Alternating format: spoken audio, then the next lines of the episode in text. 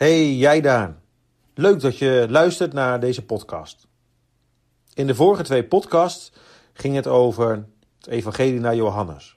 En vandaag gaan we daar weer mee verder. En wel met Johannes 8.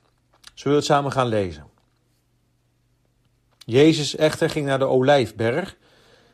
En s'morgens vroeg kwam hij opnieuw in de tempel. En al het volk kwam naar hem toe en hij ging zitten en onderwees hen. En de schriftgeleerden en de fariseeën brachten een vrouw bij hem die op overspel betrapt was. En toen ze haar in het midden hadden doen staan, zeiden zij tegen hem: Meester, deze vrouw is op heterdaad betrapt bij het plegen van overspel. In de wet nu heeft Mozes ons geboden zulke vrouwen te stenigen. U dan, wat zegt u? En dit zeiden zij om hem te verzoeken, omdat zij iets hadden om hem aan te klagen. Maar Jezus bukte en schreef met de vinger in de aarde. En toen zij hem bleven vragen, richtte hij zich op en zei tegen hen: Wie van u zonder zonde is, laat hij als eerste de steen op haar werpen. En opnieuw bukte hij en schreef in de aarde. Maar toen zij dit hoorden en in hun geweten overtuigd waren, gingen zij weg, de een na de ander, te beginnen bij de oudsten tot de laatsten. En Jezus werd alleen achtergelaten en de vrouw die in het midden stond.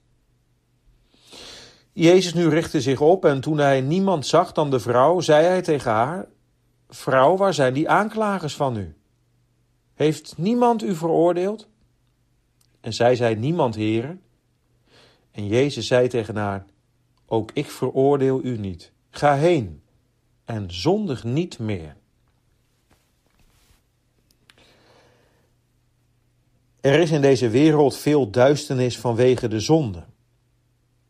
De schandalen die in de afgelopen tijd naar buiten zijn gekomen rondom het tv-programma The Voice, zijn daar verschrikkelijke voorbeelden van. Maar er zijn ook nog tal van andere voorbeelden te noemen.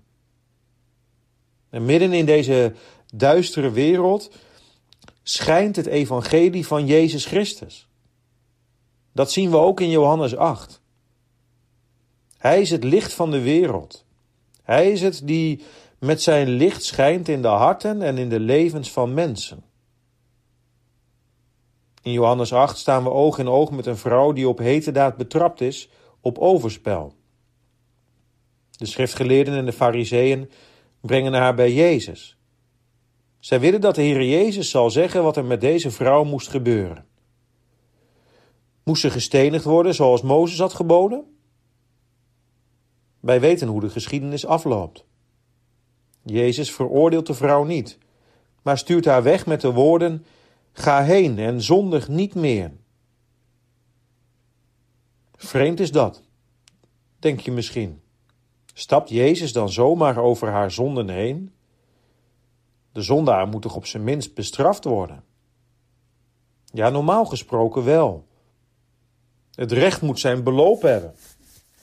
Al is het maar om enigszins recht te doen, bijvoorbeeld aan de gevoelens van schaamte en pijn van de slachtoffers van bijvoorbeeld seksueel misbruik. Maar hier in Johannes 8 is iets anders aan de hand.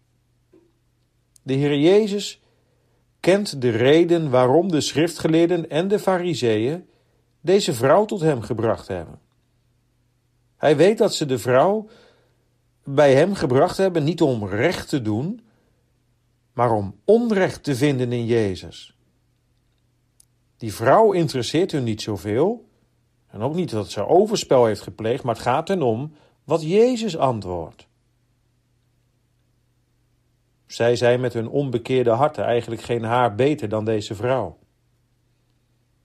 Ze vragen aan Jezus wat er met die vrouw moet gebeuren, maar wat doet de Heer? Hij bukt en begint met zijn vinger in de aarde te schrijven. Waarom doet hij dat? Ik denk dat we het antwoord hierop vinden in Jeremia 17, vers 13. Daar staat: Heere, hoop van Israël, allen die u verlaten zullen beschaamd worden. Wie zich van mij afkeren, zullen in de aarde worden geschreven. Want zij hebben de bron van het levende water de Heere verlaten. Ik denk dat de Heer Jezus hier de namen van deze schriftgeleerden en fariseeën in het zand geschreven heeft. Waarmee hij zei: Ik weet van jullie verkeerde motieven. Ik weet dat jullie mij wantrouwen, dat jullie hier gekomen zijn om mij te verzoeken, dat jullie niet geloven dat ik het licht van de wereld ben. Ik weet dat jullie je in je hart van mij afkeren. Wie zijn jullie eigenlijk om deze vrouw bij mij te brengen? Zie je, Jezus veroordeelt niet de vrouw, maar wel de schriftgeleerden en de fariseeën. Eén voor één druipen ze af. Jezus blijft alleen over met de vrouw. Zij blijft wel staan in het licht. Deze zondares. Heeft niemand je veroordeeld? vraagt Jezus wanneer hij weer opstaat. Nee, niemand, antwoordt zij. Ook ik veroordeel u niet. Ga heen en zondig niet meer. Zo schijnt Christus met zijn licht in die geschiedenis. Schijnt hij ook vandaag nog met zijn licht. Ook wil hij schijnen in ons hart en over ons leven. De Heere kent onze diepste motieven. Hij kent onze verlangens. Hij kent ons verleden, hij kent het heden. Maar het belangrijkste is, bij hem is redding. God heeft zijn zoon niet in de wereld gezonden opdat hij de wereld zou veroordelen, maar opdat de wereld door hem gered zou worden.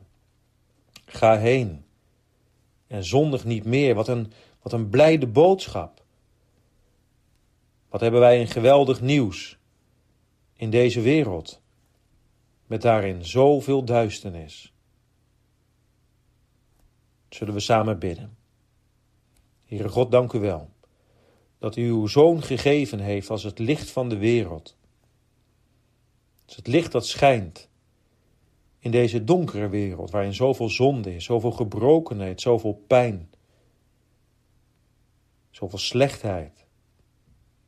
Heer, dank u wel dat er bij u redding is. Wilt u ons geloof geven, vertrouwen. Helpt u ons om inderdaad niet meer te zondigen. Heer, dat kunnen we alleen vanuit uw kracht. Wilt u onze zonde genadig vergeven. En geef dat nog veel mensen komen uit de duisternis tot het licht van uw genade. Hoort u zo ons bidden, neemt u onze dank aan, om Jezus wil alleen. Amen.